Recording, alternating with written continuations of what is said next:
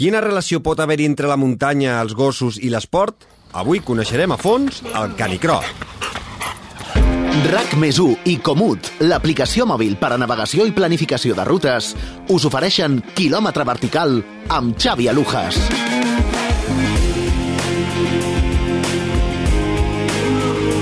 Benvingudes i benvinguts al sisè capítol de Quilòmetre Vertical.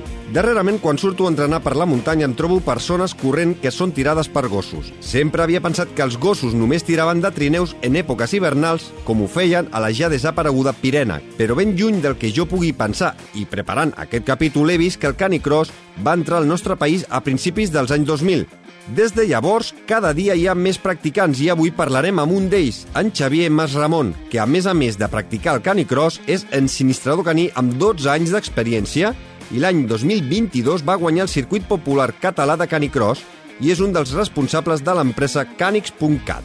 Tant si teniu gos com si no, en el capítol d'avui aprendrem moltes curiositats que de ben segur desconeixíem d'aquest esport que podem practicar amb els nostres gossos.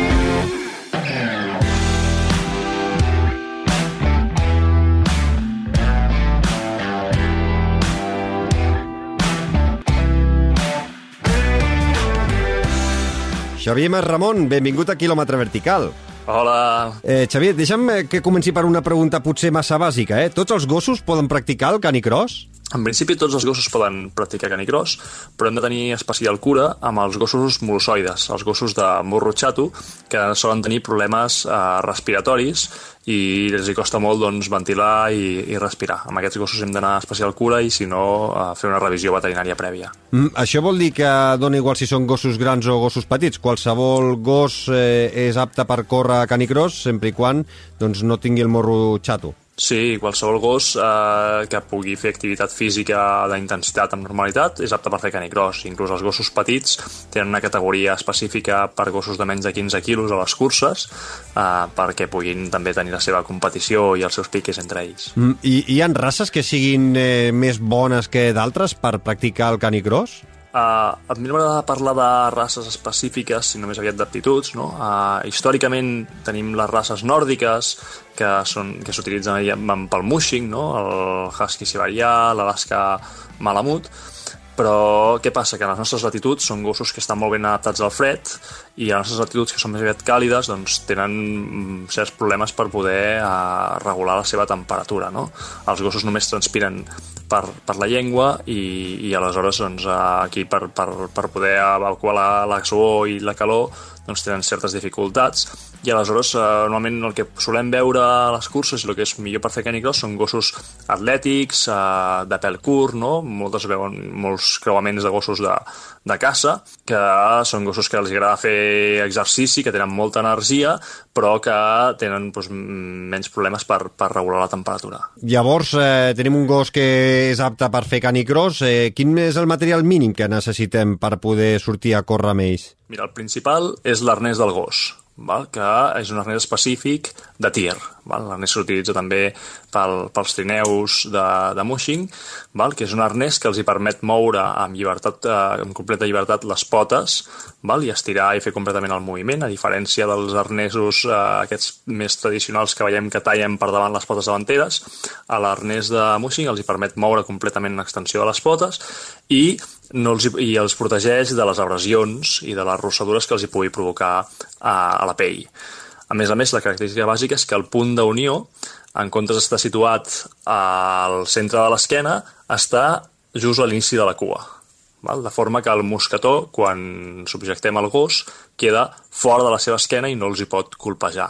I aleshores, a partir d'aquí, s'uneix a una línia que ha de ser amortida, una corretja que és amortiguada, porta un amortiguador per absorbir els impactes, i aquesta corret, aquesta línia va unida a, a nosaltres amb un cinturó que portem lligat a la, a la cintura. Mm, aquesta corda, hi ha una distància màxima i mínima que hem de tenir en compte? Sí, aquesta distància està entre 2 i 3 metres quan està completament extesa. I la corda pot ser de qualsevol material o hi ha algun material que sigui més recomanable? No hi ha materials específics per reglament, però normalment sol ser d'un material de polipropilè que eh, és poc abrasiu, eh, si el mosseguen els gossos no es trenca fàcilment i és molt lleuger, de forma que no, no pesa i no cau i no toca el terra quan, quan el gos no es tira. Eh, posem un cas pràctic, eh? Per exemple, jo tinc un gos d'un any, sí. jo corro, eh, mai he sortit a córrer amb el meu gos, eh, només el trec -huh. a passejar. M'interessaria sortir a córrer amb el gos, eh, com t'he escoltat, eh, m'he comprat el material mínim. Eh, -huh. Per on començo? Primer hem d'adaptar el gos al material, perquè com que l'arnès no és el que habitualment utilitzem per passejar, doncs primer el que tot és hem de fer una habituació amb l'arnès amb el gos, no? Llavors primer li podem presentar l'arnès, que l'olori, posar-li i donar-li un premi, treure-li, tornar-li a posar i donar-li un altre premi, aleshores posar-li, per exemple, els primers dies només per sortir a passejar, que el gos s'acostumi perquè l'arnès doncs, li tocarà potser per la zona de la cua o per la zona de l'esquena, on ells habitualment tenen poca sensibilitat i es notarà una mica estrany, i un cop hem fet aquesta habituació, doncs ja el podem començar a lligar estones. Aleshores sortim a córrer amb ell, el portem una estona lligat, de, i, eh, lligat fent una mica de canicross, el deixem anar, el tornem a lligar, no? amb petites estones. Els gossos necessiten tot fer-ho de mica en mica, a poc a poc, per anar fent una, una habituació a, al material. I depèn molt de cada gos. Eh? Hi ha gossos que ho agafen molt ràpid i que els agrada molt estirar, i que els, els enganxes i ja pràcticament ja els hi surt de, d'ells mateixos, i hi ha altres que necessites una mica més de temps i anar treballant. Mm, I un cop ja el tenim ja una mica habituat, eh, ja podem fer els primers quilòmetres amb, amb el gos, eh, uh mhm. -huh. si volem millorar, hi ha escoles d'ensinistrament? Bueno, el que tenim és diversos clubs a Catalunya que fan canicross, val? i que doncs, fan entrenaments i fan quedades per, per practicar per practicar l'esport i per sortir a córrer amb, el, amb els gossos, no? I després també hi ha a nivell popular un circuit eh, català popular de canicross que està, uneix les diferents curses de canicross que es fan aquí a Catalunya a nivell popular i que ens permet doncs, eh, fer diferents curses i amb el nostre gos i que també munten entrenaments i també es fa lloguer de material a les curses per la gent que, que ho vol provar per primera vegada. O sigui que és, és interessant per poder començar ho tenim bastant fàcil. Mm -hmm. I si entrenem pel nostre compte, com, com ho hem de fer? Perquè intentar doncs, córrer més ràpid amb el nostre gos, és a dir, perquè ell corri més ràpid i després també nosaltres poder eh, córrer ràpids amb, amb els gossos, perquè no sé qui corre més al final, si el gos corre mm. més que el propietari, que l'atleta, o com, com va això? No, el gos, les, això és un esport que deriva del mushing, el canicross és una, una modalitat de, individual del mushing, i el que es, es tracta és que el gos es tiri de nosaltres per tal de que ens ajudi i puguem córrer més ràpid o amb menys esforç. Uh, aleshores, el que hem d'habituar al gos és que estigui en normalitat, una mica el contrari del que intentem fer quan el traiem a passejar, que, que volem que el gos no estiri i que vagi al costat, doncs aquí hem de fer a l'inversa. El que volem és que el gos estiri de nosaltres, no? i aleshores el que intentem és que estiri tan ràpid i tan fort com pugui, no? perquè a nosaltres ens costi menys córrer i ens faci anar, anar més de pressa. Aleshores, a nivell de voler començar, es tracta doncs, de, de sortir a córrer amb ell i anar-lo i posar-lo, lligar-lo a, a nosaltres en el moment en què veiem que ell té molta energia, en el moment de sortir, per exemple, o quan passem per algun lloc que ell estigui especialment motivat per córrer i per perseguir doncs, el que pugui trobar i deixar-lo anar, tornar-lo a lligar, o sigui, anar fent estones, no? Podem fer doncs, un minut lligat, després una estona més suelta, després el tornem a lligar un altre minutet, després el deixem sota una estona, després per tornar a casa, si està motivat per tornar, el podem tornar a lligar i fer una estona més lligats amb ells, i aquesta és la manera que es va habituant i al final el podem portar lligat tota l'estona i que vagi estirant durant tota la sortida de nosaltres. Quins beneficis té el canicross pels animals? Doncs mira, uh, pels gossos és magnífic, no? perquè permet uh, que puguin alliberar tota l'energia que porten a acumular a dintre. Tenim actualment doncs, molts gossos que viuen en un pis, que surten només a fer un passeig i tornar i que acumulen molt d'estrès i molta energia que després deriva doncs, en problemes de conducta, com ansietat per separació, reactivitats, no? I el fet de poder practicar el canicross, que és en definitiva córrer amb ells eh, junts no? per la muntanya i compartir aquest esport amb ells, ens crea primer un vincle efectiu molt important amb el nostre gos, perquè estem practicant una activitat de forma conjunta, i a més a més amb ells els hi permet doncs, alliberar energia i fer un treball, no? que al final és, necessiten ells fer una tasca, no? fan la seva, el seu treball, i per tant després es queden molt més relaxats, molt més tranquils i per ells molt beneficiós a nivell físic no? I, i, i també mental. I hi ha alguna contraindicació o no? El que té de bo per ells, que és que se'ls permet alliberar, també hem d'anar a procurar doncs, que els hi sigui saludable, no? que no tinguin lesions, que no es facin ferides als coixinets. Per tant, és molt important, per exemple, que sempre correm amb ells, ho fem sobre superfícies toves val? i no abrasives, o sigui que hem d'evitar l'asfalt i hem d'evitar els jocs així amb més pedra, Uh, i, i també la temperatura, també és un altre factor molt important. No? Nosaltres transpirem per la pell, som, uh, els humans estem molt ben adaptats a la calor, però els gossos no, els gossos presenten molt bones adaptacions al fred. I aleshores hem de vigilar que sempre que ho fem, uh, sempre que practiquem canicross, que sortim a córrer amb ells, estiguem per sota dels 16 graus, val? que és la temperatura màxima topall que marquen, per exemple, en les competicions de canicross. Mm, ara, ara parlaves eh, de no sortir persones asfaltades, ni cimentades, mm -hmm. ni que hi hagi moltes pedres, o, o, o que hi hagin punxes, per exemple, esbarzers i tal. Um, i, hi ha algunes zones, per exemple, que estigui prohibit fer canicross? En principi, els espais naturals, per exemple, els parcs nacionals, està prohibit portar el gos deslligat no? però sí que pots portar el gos. No? Aleshores, fent canicross seria una bona opció perquè el portaries lligat a tu de forma continuada, per tant, no, en principi que jo conegui, només hi ha a França, hi ha els parcs nacionals francesos que està prohibit l'accés amb gossos. Clar, ara tenim un gos que tenia una alimentació i era sedentari, ara tenim un gos eh, eh doncs actiu, que, que fa esport, esportista, eh, sí, sí. esportista. Com, com ha de ser aquesta alimentació? Mira, una cosa molt i molt important és que quan, per exemple, abans de fer exercici, els gossos sempre estiguin en dejuni. Val? El, el, nosaltres, el, el seu estómac val? no està, eh, diguéssim, fixat a la paret de, del, del seu tronc. Aleshores, si van amb, amb l'estómac ple, es pot provocar una torsió d'estómac. Pot ser que es voltegi i es quedi bloquejat l'estómac i això és perill de, de mort, inclús per ells, eh? és una, una, una afectació greu. Aleshores és molt important que tots els gossos que vulguin practicar esport, quan vagin a fer exercici, estiguin en dejuni unes 4 a 6 hores abans, val? sobretot eh, si s'alimenten a base de pinso, perquè el pinso és eh, un aliment sec que s'hidrata, s'infla dintre l'estómac i els hi pot provocar aquesta torsió. No?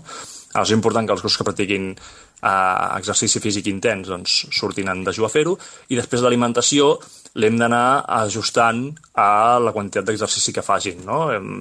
buscar nova alimentació alta en proteïna, de qualitat, sobretot, i a ser possible, doncs, si poden menjar carn o crua i altres aliments que els ajudin també a muscular i a mantenir-se més, més forts.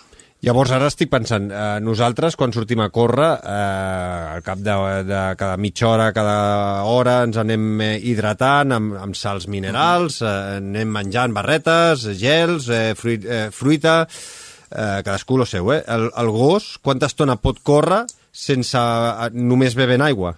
Sense alimentar-se de cap tipus? el que faig és mitja horeta abans de sortir a córrer o d'una competició, eh, miro d'hidratar-los, els hi barrejo aigua amb alguna mica de eh, oli de salmó o d'algun suc de pollastre o així que tingui, que tingui per casa, perquè així ells s'estimulin i veguin, i veguin aigua i ja surtin hidratats a, a córrer i després, durant les curses, si són curses curtes de fins a 10 quilòmetres, no han de veure res, ni han de menjar res durant, tot el, durant tota la cursa. I si són curses més llargues, sí que podem parar, que deshidratin, sobretot si fa calor, però procurant de que no veguin amb molta ansietat, sinó que quan veguin no estiguin pantejant i ho veguin amb petites dosis d'aigua.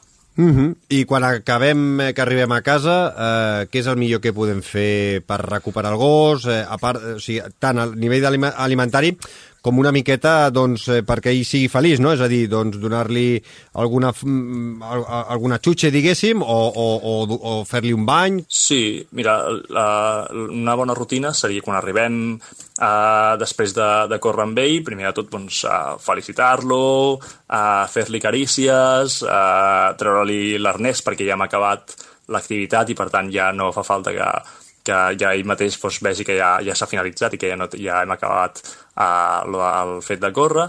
I, i aleshores una vegada ha cessat el panteig, una vegada ha recuperat la seva respiració normal, el podem deixar beure aigua val, amb normalitat i eh, podem donar-li algun premi. Algun premi, si possible, que sigui tou, no? pues un trosset de salsitxa, per posar un exemple, no? o algun premi de gos que sigui específicament tou, perquè no li costi molt mastegar, no se li enganxi i el pugui tragar amb facilitat. I aleshores hem d'esperar-nos uh, una hora aproximadament fins a poder-li donar el seu menjar habitual o poder-li donar pinso o altres, o altres àpats més, més forts. I per acabar, anem parlant una miqueta de les competicions, perquè parlaves tu de competicions, hem parlat també molt d'entrenament, eh, hi ha competicions de canicross. Eh, hi ha alguna normativa específica per, pel canicross? Sí, hi ha, bueno, a nivell competitiu hi ha les curses populars, també com passaria amb les curses de trail, eh? hi ha les curses populars, i després també hi haurien les curses federades, no? les curses de la Federació Catalana d'Esports d'Hivern, que és la que regula el canicross, o la Real Federació Espanyola eh, d'Esports d'Hivern, que també és la que regula la, la part de, a nivell estatal. No? Aleshores, la normativa més més bàsica és que el gos sempre ha de córrer per davant de nosaltres, val? Uh -huh. uh, ha de portar l'equipament obligatori, ha de portar l'arnès de, de tir, i nosaltres hem de portar una línia amortiguada i, i un cinturó, i en cap cas el podem mai ni maltractar, ni verbal, ni físicament. No? El gos ha d'estar sempre protegit i ha de córrer perquè a ell li agrada córrer, no? i ha de córrer per davant nostre perquè el, ens ha d'ajudar i perquè ha de córrer perquè li agrada, val? no perquè nosaltres el forcem a, a fer-ho. No?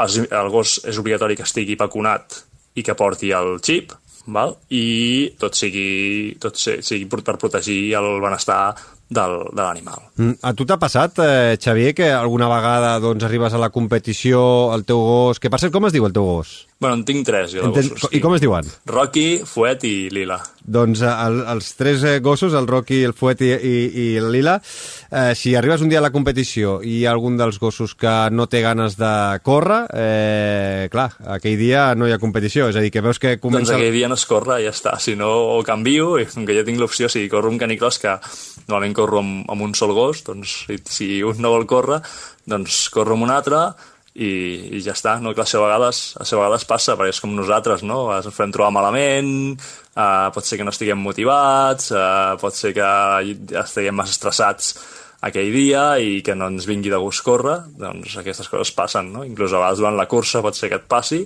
i que hagis d'acabar caminant, perquè al final el, el gos mana, no? És un esport que és conjunt i que ell és el protagonista. Mm, hi ha diferents disciplines eh, per córrer? És a dir, estem parlant de canicross, ara m'ho imagino, només de córrer amb un gos per davant, eh, pots córrer amb més gossos, de, de diferents formes... Hi ha diferents disciplines a la, per córrer sí, i practicar mira, el canicross?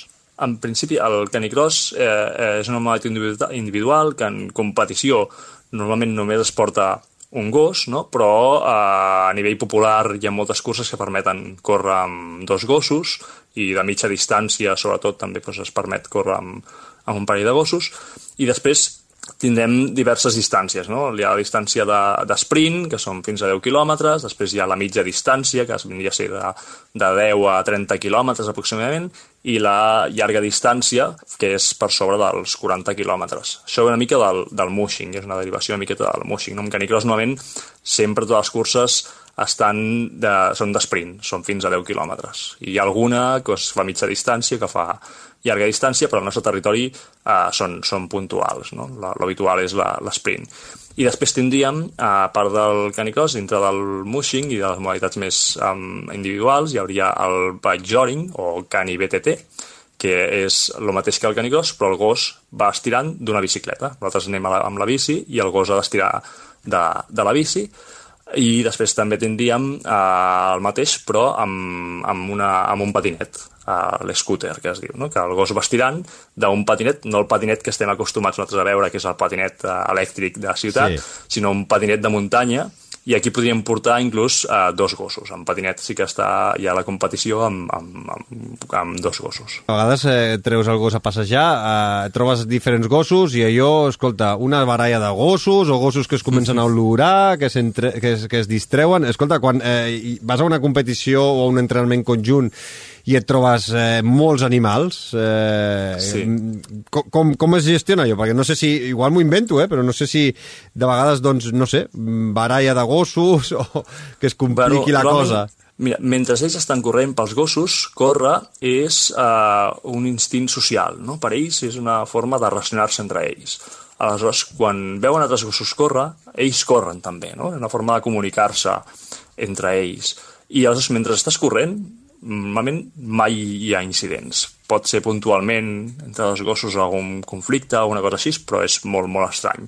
I a vegades el que sí que passa és que abans o després de les curses, en els punts de concentració, a la sortida, sí que és més fàcil que hi ha nervis, hi ha estrès, no? doncs sí que és més fàcil doncs, que hi, hi hagi algun problema, però són casos eh, puntuals, eh? o sigui que no, no, no és l'habitual. Normalment els gossos que fan canicross i estan habituats estar amb altres gossos, estar en una zona d'estrès i en una, i en una estació en què hi ha més, més, més gossos que corren amb ells i, i no tenen conflictes entre ells. No? Que sí que si hi ha gossos conflictius, sí que se'ls obliga a portar a Morrió uh, i ja està. A quilòmetre vertical ens agrada conèixer noves rutes i ens agrada que els nostres convidats planifiquin rutes amb Comut, el millor planificador i navegador de rutes.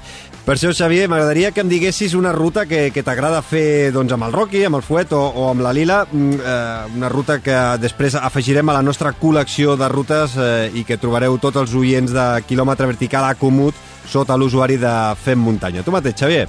Perfecte, doncs mira, doncs, uh, una ruta que tinc que faig habitualment i que tinc aquí al costat de casa, que és uh, pujar al Montalt, des de Sant Andreu i Llavaneres o des de Sant Vicenç de Montalt, pujar fins al cim del Turó del Montalt i després baixar pel Roc de l'Avi i després pel turó, de, pel turó de Mata. Una ruta senzilla, que és mig quilòmetre vertical més o menys si, si la fem des, de, des del mar, i però molt entretinguda, molt maca per disfrutar de la muntanya, dels gossos i a prop de casa. Doncs afegirem aquesta ruta a Comut. Eh, Xavier Mas Ramon, moltíssimes gràcies per endinsar-nos en el món del canicross. Ha sigut un plaer compartir aquesta estona amb tu. Que vagi molt bé i una forta abraçada. Moltes gràcies a vosaltres per la feina que feu de, de difusió de la muntanya i dels esports.